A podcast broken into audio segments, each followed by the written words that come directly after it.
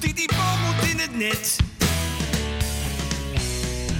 Welkom bij week 2 van de podcastserie De AFC'ers... waarin liefhebbers van de bal het amateurvoetbal vieren... door voor te lezen uit het Nederlands oervoetbalboek. Geschreven door J.B. Schuil in 1915. En elke week, dat weet je inmiddels, tracteren we je op twee hoofdstukken. Hoofdstuk 4 wordt eh, voorgelezen door Sinan Chan. Hij is onderzoeksjournalist programmamaker... en verbonden aan onder andere BNN-VARA. Zijn AFC, SCH uit Nijmegen. Maar we trappen vandaag af met hoofdstuk 3 door Lara Rensen.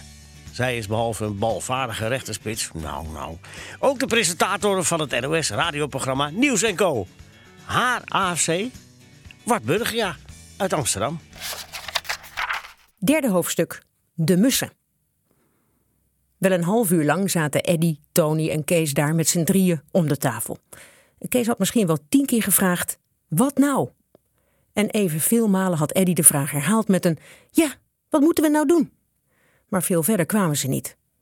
Erg vindingrijk waren ze geen van drieën, totdat eindelijk Tony met een voorstel kwam. Laten we naar de mussen gaan, zei hij. Dat is een idee, riep Kees, vrolijk opspringend, en hij zette zijn pet al op om weg te gaan. Eddy alleen bleef zitten. Hij keek heel verlegen en zei: Ja, ik weet niet of ik wel mag. Heeft je vader dan gezegd dat je niet mocht voetballen? vroeg Kees. Nee, dat niet. Alleen maar dat ik niet naar AFC mocht. Nou, daar heb je het. Dan kan je toch mee naar de mussen? riepen Kees en Tony bijna tegelijk. Ja, daar kon Eddy niets tegen inbrengen. Zijn vader had met geen woord van de mussen gerept. Die zou trouwens heel bezwaarlijk gegaan zijn, want de heer Lomans wist niet eens dat er mussen bestonden. Evenmin dat hij iets wist van het bestaan van de zwaluwen, de meeuwen en al die andere kleine verenigingen waarin gevoetbald werd. Eddie voelde dan ook wel dat zijn redenering niet geheel zuiver was.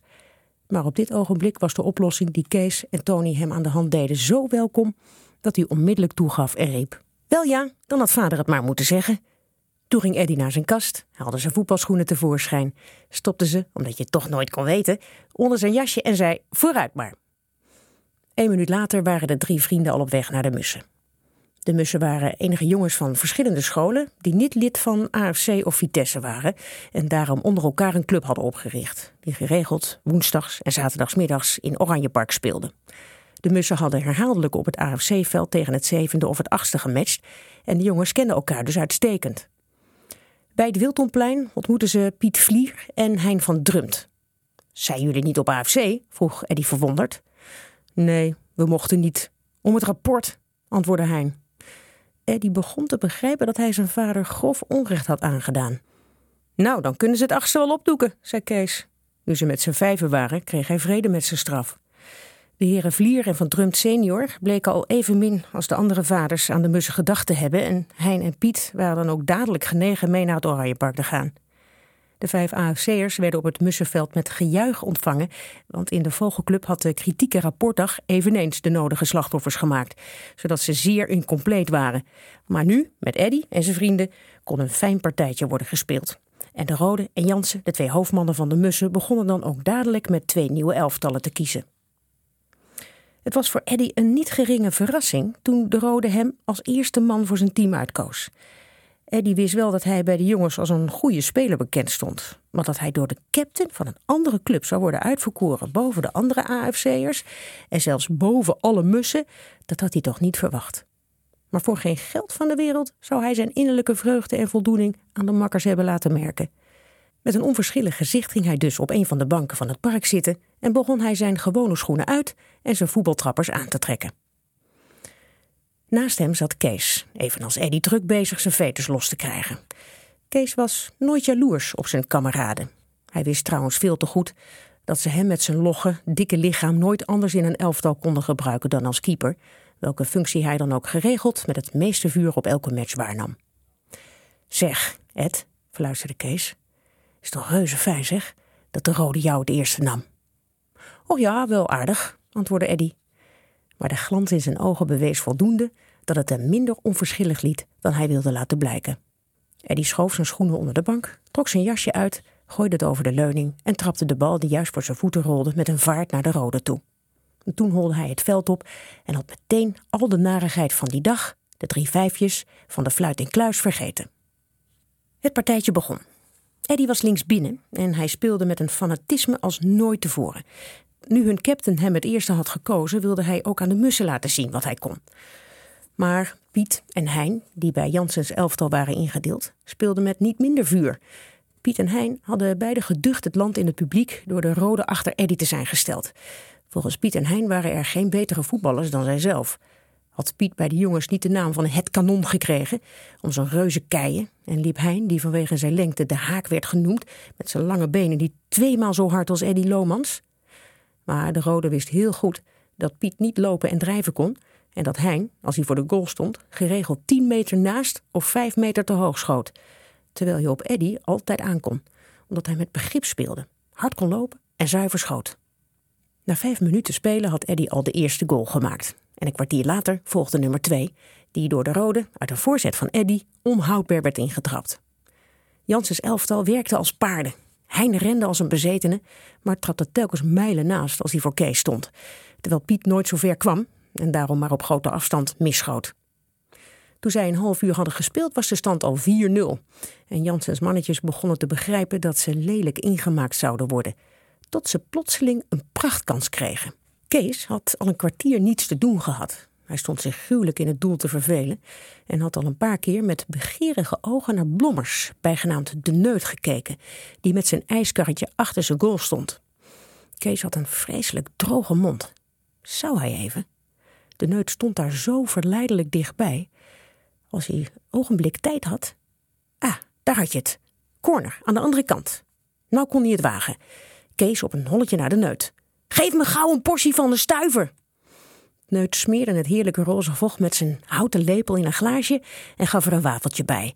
Ja, hè, zei Kees smakkend, dat smaakt neut. Kees lepelde, liet het ijs op zijn tong smelten. Hij wou er zo lang mogelijk van genieten. Kees was in de zevende hemel, dacht aan geen bal en geen goal. Kees, Kees, Kees, pas op, Kees, pas op, Kees, klonk het plotseling als een wild krijsgeschreeuw over het veld. Kees zag op, liet van schrik zijn nog half gevulde glaasje vallen.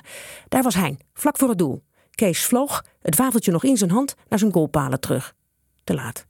Van Drumt zwaaide zijn lange rechterbeen de lucht in en op hetzelfde ogenblik vloog de bal langs het goal tegen de linkerwang van de neut aan en lag de haak lang uit voor de goal op zijn rug.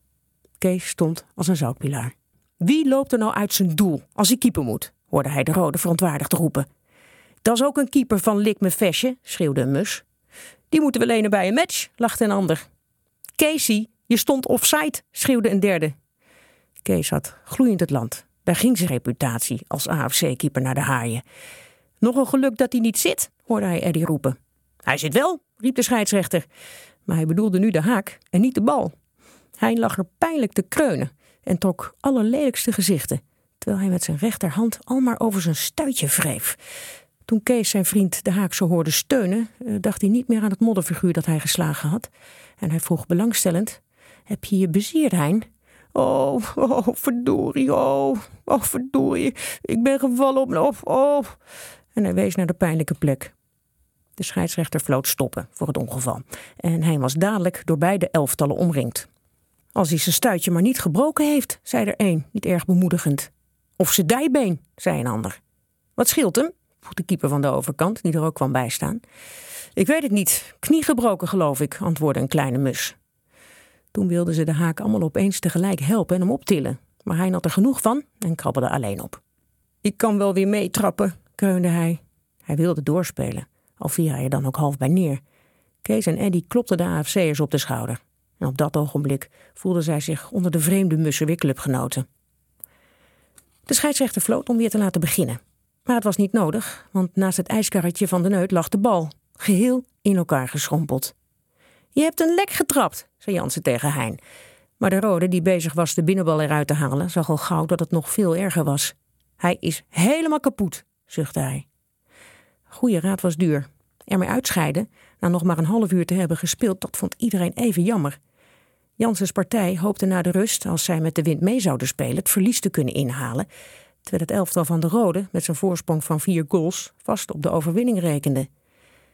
Maar te maken was de binnenbal niet meer, en zeker niet in een half uurtje. Toen kreeg Kees een lumineus idee. Laten we er een varkensblaas in stoppen, stelde hij voor. De Rode en Jansen menen dat je daar niet mee spelen kon. Maar Kees beweerde dat het wel degelijk ging en hij het wel meer had gedaan. Nou, vooruit. Dan maar eens varkensblaas, lachte Eddy. En het hele stel, met uitzondering van Hein, die liever bleef om nog wat over zijn stuitje te wrijven, ging op weg om bij Van Daveren, de slager, de nieuwste soort binnenbal in te slaan. De heer Van Daveren wist niet hoe hij het had toen hij 22 jongens in truien met voetbalschoenen voor zijn slagerij zag verschijnen. We moet dat? We moet dat? vroeg de varkensslager, een beetje wantrouwend. En toen de bende naar binnen wilde dringen, ging hij voor de deur staan en riep driftig: Niet allemaal tegelijk, alsjeblieft, het is hier geen bioscoop. Nu Van Daveren nijdig werd, kregen de jongens pas schrik in het geval. De mussen begonnen te biegen, zodat Kees met een vaart tegen de dikke varkenslager aanbonste. Eén varkensblaas, stotterde Kees, die door het lachen bijna niet meer praten kon. Wil je opduvelen, bliksems van jongen? riep de slager. En hij gaf daarbij Kees zo stomp tegen zijn schouder dat hij even hard de winkel uitvloog als hij erin gevallen was. Hé hey baas, riep de bende in koor. Doe nou baas, een varkensblaasje, alsjeblieft, alsjeblieft. Ingerukt, qua jongens, schreeuwde de slager. En hij gooide de deur voor hun neus dicht. Baas, baas, is dat nou een manier om fatsoenlijke klanten te behandelen? riep Kees, met zijn neus bijna tegen de ruiten. Dat werd de heer van Daveren toch een beetje te kras. Wel verdorie, schreeuwde hij. En tegelijk smeet hij met een ruk de deur weer open. De jongens waren al uit elkaar gestoven, maar Kees keerde zich nog eens om, nam heel beleefd zijn pet af en vroeg met een stalen gezicht: Heb je je bedacht, baas? Kunnen we nog een blaasje krijgen? Loop naar de maan, schreeuwde de heer van Daveren en hij smeet opnieuw zijn deur dicht. Afgesproken, dan geen varkensblaas, lachte Kees en hij holde weg. Maar de jeugdige Brummer dacht er niet aan om het zo gauw op te geven, want hij wist nog wel een ander adres. Wachten jullie maar in het Oranjepark, zei hij. Ik kom dadelijk terug met een puiken nieuwe binnenbal.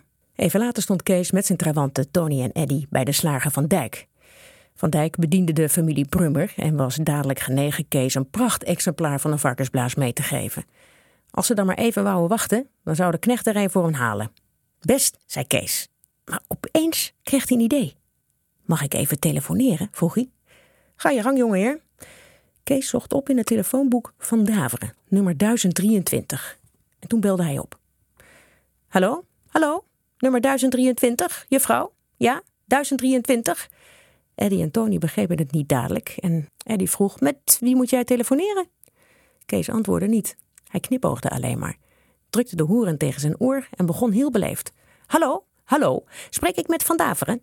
U spreekt met Hummes? Ja, met meneer Hummes, Wilhelminastraat 64. Zou u dadelijk even iemand bij me willen sturen met een varkensblaasje van 5 cent? Ja, ja, een varkensblaasje. Hé, wat zegt u? Stik? Nee, een varkensblaasje. Niet? Nou, spijt me meneer. Dag meneer. Toen gierde hij het uit en legde de horen op de haak. Knap, als hij me hier te pakken krijgt, lachte Kees. Van Dijk, die het telefonisch gesprek niet heel goed begrepen had, schudde van plezier toen hij hoorde hoe Kees zijn concurrent te pakken had genomen. Maar hij zat er toch wel een beetje mee in, want hij begreep heel goed dat Van Daveren bij hem zou informeren wie hem zo even had opgebeld. Jij bent een mooie, zei hij grinnikend. Wie moet ik nou zeggen dat met hem gesproken heeft? Van der Hummes, giechelde Kees. Jawel, jij hebt mooi praten, zei de slager. Nou, uh, zeg dan maar dat hij de naam niet goed heeft verstaan, dat het Brummer was. Van der Hummus, Brummer, het is bijna hetzelfde door de telefoon. Ik mag toch gerust een varkensblaasje bij hem kopen? Omdat hij zo onbeleefd was onze deur uit te gooien, zijn we bij u gekomen, zegt u maar. Jij bent de gare, lachte Van Dijk. Nou, alsjeblieft, daar heb je je varkensblaas. Met het cadeautje van de heer Van Dijk gingen de vrienden naar het Oranjepark terug. En toen de jongens hoorden van Kees' telefoontje, rolden ze bijna op de grond van plezier en er was op dat ogenblik geen enkele mus die AFC niet haar keeper van het achtste benijde. Kees had zijn figuur van doelverdediger schitterend gered. Zijn nieuwe model binnenbal viel echter niet mee. Het kostte hem heel wat moeite om de varkensblaas in de buitenbal te krijgen. En toen hij er eenmaal in zat, leek het ding op alles behalve op een voetbal. Dat is een bal met effect, zei Eddy toen hij het langwerpige geval zag. Lijkt wel een ei, giechelde Kees. Wacht maar, ik zal hem wel in zijn fatsoen krijgen. En toen zette hij hem, als wijle Columbus met de punt op de grond en zei: Vooruit, Hein, ga jij er nou maar op zitten? Dat is goed voor je stuitje. Maar omdat Hein daar nog te stijf voor was, nam Kees de taak zelf over. Ziezo, zei hij, daar zit de kip op haar ei. Als er nou maar geen varken uitkomt. Vooruit Kees, schiet op. Het uh, zou nou wel uitgebroed zijn, riep Eddy, die verlangde om weer te gaan trappen. Ik overhaast mij niks, lachte Kees. Er komt al beweging in. Heel voorzichtig stond hij op en keek achter zich om het resultaat van de zitting op te nemen. Kip, kip, kip, alweer een ei, alweer een ei, zong Kees toen hij merkte dat de bal nu helemaal de vorm van een zeppelin had aangenomen. De mussen hadden dolle pret om de vermakelijke dikke keeper. Maar ze begonnen te begrijpen dat er van spelen voorlopig niets meer zou komen. Kom Kees, waar blijf je nou met je varkensblaas? hoonde ze hem. Ik dacht dat je er zo puik mee trappen kon. Dat kun je anders ook, riep Kees, die zich een beetje voor zijn uitvinding begon te generen. Maar deze blaas is niet goed. Hij wreef over de bal en hij sloeg erop. Hij blies er zelfs tegen. Het hielp allemaal niets. Het ding wou geen ronde vorm aannemen. Toen gaf Kees in zijn nijdigheid er een venijnige trap op. En waar ratje? Die trap deed het hem. De bal was rond. Zie je wel? Wat heb ik je gezegd, riep Kees triomfantelijk toen hij het uh, onverwachte resultaat van zijn schop waarnam. Een prachtbal. Op AFC heb je niet beter. Kees lof was wel wat overdreven, want de bal hobbelde en bobbelde nog lelijk. En als hij over de grond rolde, dan kreeg het idee of een buitelaar telkens koppeltje duikelde. Maar je kon ermee trappen en dat was de hoofdzaak. De scheidsrechter floot voor doorspelen en Kees kreeg een hoeraatje voor zijn uitvinding. Jawel, riep hij, beetje overmoedig door zijn succes tegen Piet en Hein. Als jullie nou maar zorgen dat ik hem ook eens in mijn handen krijg, anders ga ik weer ijs eten. Toen ging Kees weer in zijn goal staan en het partijtje werd voortgezet. Alsof er niets gebeurd was. Mijn naam is Sinan Jan. In het dagelijks leven ben ik documentairemaker bij BNNVARA. Mijn AFC is SCH in Nijmegen. Alleen die club bestaat niet meer.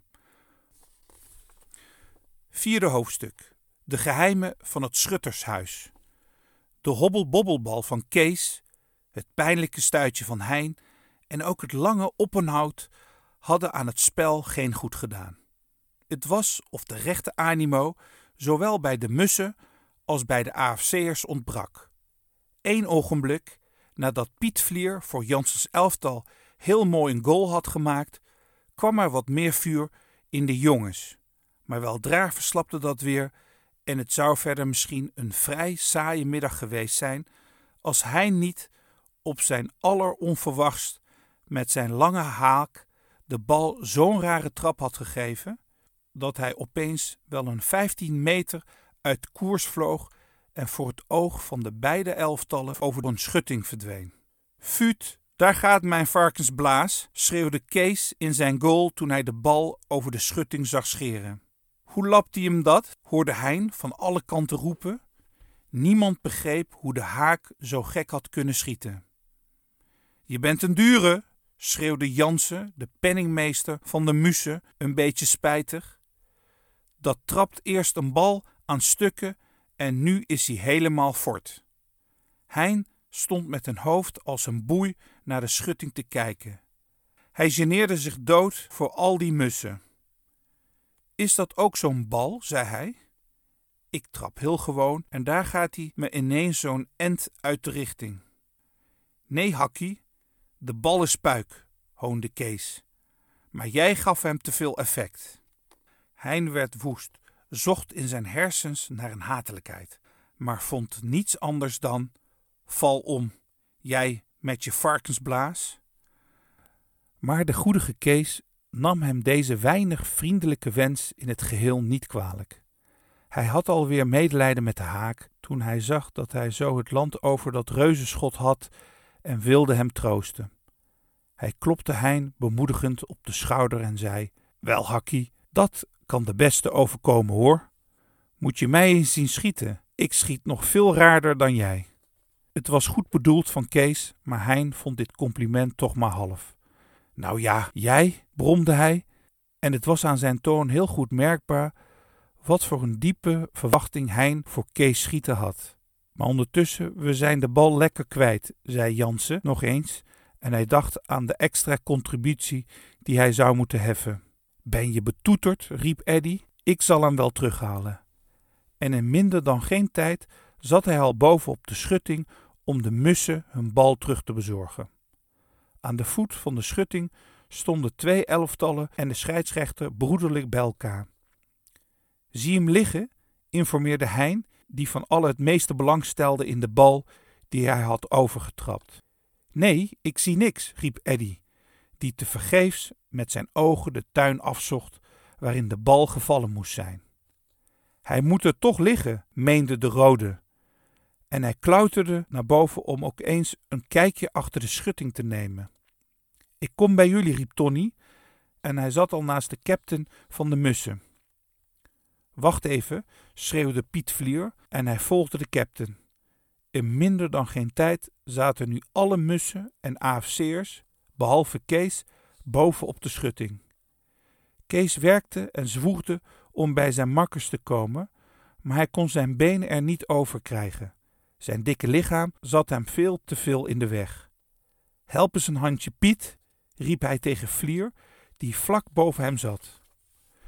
Piet en de Rode pakten de dikke keeper bij zijn trui en trokken hem met zo'n vaart de lucht in dat de trui geheel over Kees hoofd heen schoot. Pas op, jullie stropen me helemaal af, riep Kees schaterend van het lachen. Piet en de Rode sprongen van de schutting af. Vooruit, we zullen je helpen, zei Piet, en tegelijk gaven ze Kees zo'n zet dat hij de bal achterna over de schutting heen schoot. Gelukkig had Kees zijn handen niet losgelaten, zodat hij nog hing. Al was dat dan ook aan de verkeerde kant. Eddy wou zijn vriend weer naar boven hijsen, maar het was niet meer nodig, want Kees liet zich vallen en riep: Ziezo, nou ben ik ook eens het eerst. Eddy bedacht zich niet langer. Hij wierp zijn linkerbeen over de schutting en sprong naar beneden. Kees en Eddy stonden in de schuttertuin. Het was de tuin die bij het schutterhuis hoorde, een oud gebouw waarin het stedelijk muziekkorps, of zoals het volk altijd nog zei, de schutterijmuziek, s'morgens zijn repetities hield. Boven de schutterzaal, waar de muziek altijd toeterde, woonde alleen maar een oude conciërge en zijn vrouw. En Kees en Eddy durfden dus wel op onderzoek uit te gaan. De andere jongens bleven maar op de schutting zitten, omdat zij wel begrepen dat de twee AFC'ers het samen wel afkonden. Eddy had de bal al gauw te pakken.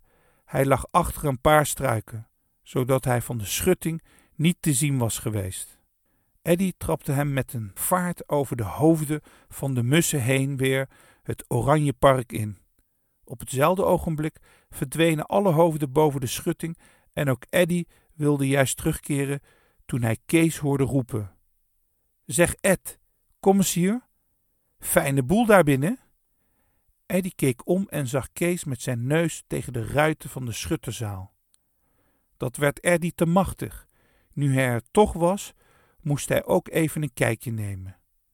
Kijk, wees Kees, daar heb je de Turkse trom en daar liggen de bekkens en daar heb je de oempa, oempa, oempa papa. Kees bedoelde blijkbaar de trombone. Zou er iemand binnen wezen? vroeg Eddy. Misschien niet. Eventjes kijken. En Kees glunderde toen hij het voorstelde. Zij liepen op hun tenen naar de achterdeur. Kees morrelde aan de knop. Hij is niet eens op slot, zei hij. En waaratje? De deur ging zomaar open. Eddy wou dadelijk maar naar binnen gaan, maar Kees vond dit te gewaagd. Hallo, schreeuwde hij. Het bleef stil in het schuttershuis. Hallo, volk, volk, riepen de beide jongens nog eens. Weer geen antwoord. Ze zijn uit, lachte Kees. Nou, zullen we? Op onderzoekstocht? Ja, vooruit maar.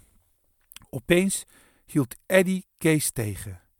Hij vond het zonde en jammer dat zij alleen maar met hun beiden van die fijne gelegenheid zouden profiteren. Zeg, wacht even. Dan zal ik de andere lui waarschuwen, stelde hij voor. Als je dan maar gauw terugkomt, want als ze hem hier snappen, ben ik zuur, zei Kees, die heel goed begreep dat hij op zijn eentje nooit weer over die schutting kwam.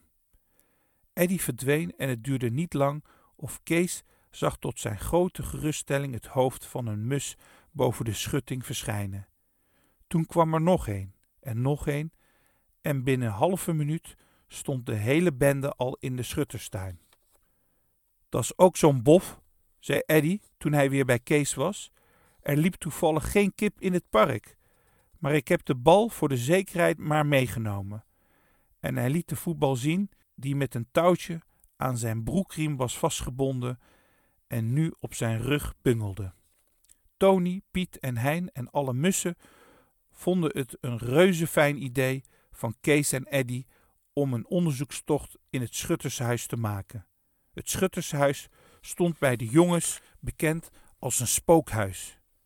Piet wist te vertellen dat er onderaardse gangen waren die helemaal tot de stadsgracht doorliepen en Timmers, een mus, beweerde dat je er nog gewelven had waarin de Spanjaarden tijdens het beleg gevangen hadden gezeten en dat er elke vrijdagnacht spookte. Het is waar hoor, zei Timmers toen Kees en Eddy begonnen te lachen. Om twaalf uur s'nachts kun je duidelijk de geesten van de Spanjaarden horen zuchten. Mijn oom heeft het zelf gehoord. Wat? riep Kees. Dat zal de conciërge geweest zijn, die op een oempa geblazen heeft. Nou ja, ga jij maar voor, zei Timmers, die geen held bleek te zijn, en dan ook heel blij was dat het klaarlichte dag was en ze met z'n drieëntwintigen waren. Wel ja, overdag slapen de geesten toch, riep Kees. Kees en Eddy gingen voorop en de rest volgde. Links vonden zij niets bijzonders, twee kleine kamertjes en een grote kast. Zeg Timmers, zei Kees toen hij de twee vertrekjes ontdekte. Daar heb je nou de gewelven, waar de spoken s'nachts zitten te zuchten. Maar toen Piet de achterste rechterdeur opende, stond hij voor een trap die naar beneden voerde. Kom eens gauw, kom eens gauw, riep hij triomfantelijk. Hier zal je het hebben. Nu begon zelfs Kees te twijfelen. Vol verwachting ging Piet naar beneden. Eddy en Kees volgden. Nou, nou, zie je wat? riepen de mussen in de gang. Een gewone kelder, hoorden ze Piet beneden erg teleurgesteld roepen. Klop eens tegen de muur, riep Timmers, die altijd nog hoopte de onderaardse gangen te zullen ontdekken. Piet tikte tegen de stenen, maar hoorde er niets bijzonders aan. Stil, daar ligt wat, riep Kees. Ja, waarachtig, een been van een dode Spanjaard met zijn schoen er nog naast. En tegelijk zagen de mussen, die elkaar in de gang bij de keldertrap verdrongen, een bezemstil en een oude schoen naar boven vliegen. Piet klom weer het trapje op. Een kolenhok, anders niks, bromde hij. Hij had blijkbaar gedacht heel wat griezeligers te zullen vinden. Het spookhuis viel de jongens niet mee. Er was niets geheimzinnigs aan te ontdekken en de rode wilde alweer naar het mussenveld gaan om verder te spelen. Toen Kees riep: Nee, zeg, eerst nog naar de schutterzaal. Zij moesten door een klein gangetje om in het lokaal te komen waar de schutterijmuziek s'morgens zat te blazen. Omdat ze het echter niet secuur vonden om zomaar zonder veiligheidsmaatregelen naar binnen te gaan. Je kon toch niet weten of Bron, de conciërge, niet thuis zou komen. Lieten ze Timmers, die zich daar vrijwillig voor opgaf, bij de hoek van de gang als schildwacht achter. De heldhaftige mus, die aan spoken geloofde, was erg blij dat hij niet verder hoefde mee te gaan. Als er nou onraad kwam, was hij tenminste het eerste weer buiten. Mannetje achter mannetje kwamen ze de schutterzaal binnen. Hier waren zij dus op de plaats, waar Giens, zo heette de dirigent van het korps, met zijn muzikanten altijd oefende. Op stoelen en banken lagen allerlei blaasinstrumenten, terwijl in een hoek enige bassen, een Turkse trom en een paar pauken stonden. Naast de Turkse trom lagen de bekkens, een triangel en Turkse bellen. Nou, wat heb ik jullie gezegd? riep Kees op een toon alsof de hele boel van hem was. Is het hier niet fijn? Hij stond al met de dirigeerstok van de dirigent in zijn hand. Hij sloeg ermee op een lessenaar en schreeuwde met een stem als van een dragonder. Vooruit, zitten, zitten. Ik ben Giens. We zullen beginnen. De jongens kregen nu pas goed schik in het geval er was er niet één die niet een trombone, een cornet à piston of een bombardon in zijn handen had en ze probeerden allemaal of ze er geen geluid uit konden krijgen. Piet Vlier liep met de Turkse trom voor zijn buik en Eddy stond met de twee bekkens te zwaaien. Maar opeens sprong Kees op. Hij had een buffet tegen de muur ontdekt. Zeg lui, riep hij, er is hier consumptie ook. Wie wil er een flesje limonade of spuitwater? Kijk, kijk, en sigaren ook. Panatella's en manoeuvre chocola. Het houdt niet op. Je waren lui lekkerland. Eddy keek even verbaasd naar Kees. Hij wou toch niet? Het was toch niets voor Keesje Brummer, die in het dubbele betekenis van het woord altijd de rondheid in persoon was geweest? Ja, waarachtig. Kees nam een sigaar uit een kistje, beet er de punt van af, stak hem met een stalen gezicht op. Eddy kon zijn ogen bijna niet geloven. Hij had het land, gruwelijk het land. Wat moesten de mussen nu wel van Kees denken? Nee, maar nu ging hij toch veel te ver. Daar maakte hij me warempel een flesje limonade open. Zou Eddy het hem zeggen? Zou hij, zou hij hier voor al die mussen... Eddy wou dat hij nooit naar binnen was gegaan. Kees stond achter het buffet alsof hij er thuis hoorde. Hij was zich blijkbaar geen kwaad bewust, stond te dampen als een schoorsteen en riep met het kistje sigaar in zijn hand: Nou, heren, wie ook een sigaar of een flesje zoet? De meeste mussen vonden Kees erg grappig en de rode wou al een sigaar uit het kistje nemen toen Kees hem op zijn vinger sloeg en zei: Eerst centen in het laadje, anders kan ik er geen overzicht over houden. Wacht even, ik moest zelf nog eerst betalen? Toen keek hij op de tarieflijst die in het buffet hing en rekende uit: één Estrella van 15 cent, een flesje limonade 60 cent, dat samen 75. Kees haalde zijn portemonnee tevoorschijn, legde acht dubbeltjes op een blaadje. Alsjeblieft, zei hij met het meest ernstige gezicht van de wereld tegen zichzelf. De rest mag je houden. Toen opeens riep hij uitgelaten tegen Eddy: Die conciërge zal ook in zijn sas wezen als hij merkt dat hij bezoek heeft gehad. Die heeft vandaag een goede dag. Het was of Eddy een pak van het hart viel. Daar had je weer de oude, eerlijke Kees. Hoe had hij nog een ogenblik Kees van zoiets kunnen verdenken? Kees, de eerlijkste, trouwste kerel die hij kende. Eddy had even het land aan zichzelf, kocht om het goed te maken bij Kees een sigaar en gaf vijf cent voor. Kees kreeg het bepaald druk in zijn winkeltje, want er was geen mus en geen AFC'er die nu ook niet een Estrella van Kees moest hebben. Zelfs Lapidotje, een mus van elf jaar, stond met een lange panatella in zijn hoofd te roken alsof hij zijn sigaar wou inslikken. De rode nam nog een flesje limonade, maar hij beweerde nadat hij de helft had opgedronken dat die te zoet was, waarop Hein, die nooit vies van een ander was, het flesje aan zijn mond zette en de resterende helft in zijn keelgat liet verdwijnen. Kees telde het ontvangen geld na en kwam tot de som van 4 gulden en 75 cent. Hij schreef het met een potloodje op een papiertje. 23 sigaren à 15 cent is 345 cent. Twee flesjes limonade à 60 cent is 120 cent. Voor je 10 cent. Totaal 4 gulden en 75 centen. Daarna legde hij zijn afrekening op het sigarenkistje en wilde juist het buffet verlaten toen hij met zijn linker elleboog een glas van de rand stootte. Het glas viel in gruzelementen op de grond. Dat is heel geweest, zei Kees en hij haalde onmiddellijk zijn portemonnee uit zijn zak om de aangebrachte schade te vergoeden. Maar hij had niet meer dan twee cent over. Zeg Eddy, riep hij, hoeveel zou zo'n glas kosten?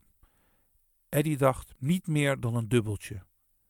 Leen me dan even acht cent van je, zei Kees. Maar dit vond de rode erg overdreven. Betaal het van de fooien, stelde hij voor. Waarachtig niet, antwoordde Kees. Das van Bron. Daar mag ik niet aan komen. Eddy gaf hem acht koperen centen en Kees krabbelde onder zijn nota. Eén glas gebroken, tien centen. Als dat niet genoeg is, zal ik de rest morgen in uw brievenbus stoppen. Kees nam zich tegelijk voor die middag bij zijn moeder te informeren of dit nodig was. Toen kroop hij uit het buffet, bond de Turkse trom, die Piet weer in de hoek had gezet, voor zijn buik en schreeuwde: Vooruit, nou achter elkaar. Nummer 1 uit het boekje. Mina, heb jij je hoedje op? De hele bende stelde zich gierend van het lachen achter Kees op. Eddy liep met een cornet à piston, Hein had de bekkens weer in handen en de kleine lapidotje was bijna geheel begraven onder een grote bashoorn die hij om zijn hals had gehangen. Klaar? riep Kees. Nou, daar gaat hij dan. Voorwaarts mars. En hij zette in, zo vals als een kraai, want Kees kon helemaal niet zingen. Mina, heb jij je hoedje op? Maar al kon Kees niet zingen, slaan kon hij des te beter en hij boemde bij elke valse noot die hij uitgalmde. Zo hard op de trom alsof hij er doorheen wou slaan. Hein accompagneerde hem daarbij voortreffelijk met zijn bekkens. Het was opeens een leven als een oordeel, want er waren nog verscheidene jongens die geluid uit een instrument wisten te halen. De cornet à piston, de trombone, de bombardon, niet te vergeten, de bekkens en de Turkse trom begeleidden Mina op een afgrijzelijke manier. Maar opeens klonk daar vanuit de gang als een alarmkreet boven het orkest uit: Pas op, pas op, bron, bron. Bekkens, bombardon, trombone, cornet à piston, alles rolde op de grond en alle muzikanten stoven naar het smalle gangetje om maar het eerste weer buiten te zijn. Maar Eddy begreep dat ze dan in de mel van de leeuw zouden lopen. Door het raam, door het raam, schreeuwde hij, en hij had al een van de ramen opengeschoven. Als katten zo vlug kropen alle jongens naar buiten, alleen de Turkse trom bleef hulpeloos staan. Kees kon het zware ding onmogelijk van zijn schouders krijgen. Toelui, help me even, ik kan er niet uit, riep hij. Maar er was niemand die er ook maar even aan dacht om Kees van zijn slaginstrument te bevrijden. Ieder dacht nergens anders aan dan het vege lijf te redden. Eddy, riep Kees ten einde raad. Eddy was al buiten en zag Kees wurmen om de Turkse trom los te krijgen. Hij bedacht zich geen ogenblik en sprong onmiddellijk weer naar binnen om Kees uit zijn netelige positie te redden. Goddank, de trom liet los en de dikke Kees kroop juist achter Eddy aan uit het raam, toen de heer en mevrouw Bron de schutterszaal binnentraden. Wel verdikke me, riep de conciërge. Heb ik van mijn leven? piepte mevrouw Bron. Toen kroop Bron als een jeugdige gymnast door het raam en draafde door de schutterstuin de jongens achterna, terwijl mevrouw Bron, die minder vlug te been was dan haar echtgenoot, voor het venster stond te gillen. Pak ze Bron, pak ze Bron. Bron zag alle mussen en AFC'ers één voor één voor zijn ogen over de schutting verdwijnen. Allemaal, behalve Kees, die wanhopige pogingen deed om zijn dikke lichaam erop te werken. Kees wilde het opgeven, dacht dat hij verloren was. Bron was geen twintig meter meer van hem af. Toen pakte Eddie Kees bij zijn trui en trok uit alle macht. Krats, zei de trui onder Kees arm, maar de dikke keeper merkte het niet eens. Hoera! Hij lag met zijn buik op de rand. Bron was bij de schutting. Pak hem, pak hem, hoorde Kees mevrouw Bron in de schutterzaal gillen. Hier, hier! Blikslagerse kwajongen, schreeuwde Bron en hij greep naar de voeten van Kees. Te laat. Ze zwaaide juist over de schutting en Bron had niets dan wat lucht te pakken. Kees en Eddy herademden, Ze meenden dat ze gered waren. Maar plotseling zagen ze een politiepet op geen honderd pas van hen af. Een smeris, waarschuwde Eddy en hij holde weg met Kees op zijn hielen. Ze liepen wat ze konden het Oranjepark door, het ene straatje, het andere straatje uit, telkens achterom kijkend of de agent hen nog volgde. Ze zagen geen mus meer en geen AFC'er. Alleen maar de smeris die achter hen aandraafde, tot ze eindelijk geen pet meer ontdekten en amechtig bij de Wiltonbrug bleven staan. Hè, hè, zuchtte Kees. Ik kan niet meer, ik ben doodop. Het was juist op tijd, zei Eddy. Maar toen ineens keek Eddy naar Kees' voeten. Nou zul je het hebben, zei hij. Onze schoenen en onze jassen, stotterde Kees. Ze keken elkaar aan en zwegen stil. Nou, zijn we nog zuur, zuchtte Eddy, want hij begreep heel goed dat hij niet in zijn trui en met zijn voetbaltrappers die middag thuis kon komen. Wat nou? zei Kees. Ja, wat nou? herhaalde Eddy en hij herinnerde zich met schrik dat hij die morgen een rapport met drie vijven had thuisgebracht. Weer keken zij elkaar aan en Eddy zuchtte. Ik had toch niet naar de mussen moeten gaan. Opeens greep Eddy naar zijn rug. O jee, riep hij verschrikt. Hun bal zijn ze ook kwijt. Schoenen, jassen, bal, dat was te veel en Eddy en Kees besloten naar het Oranjepark terug te gaan om te redden wat er nog te redden viel.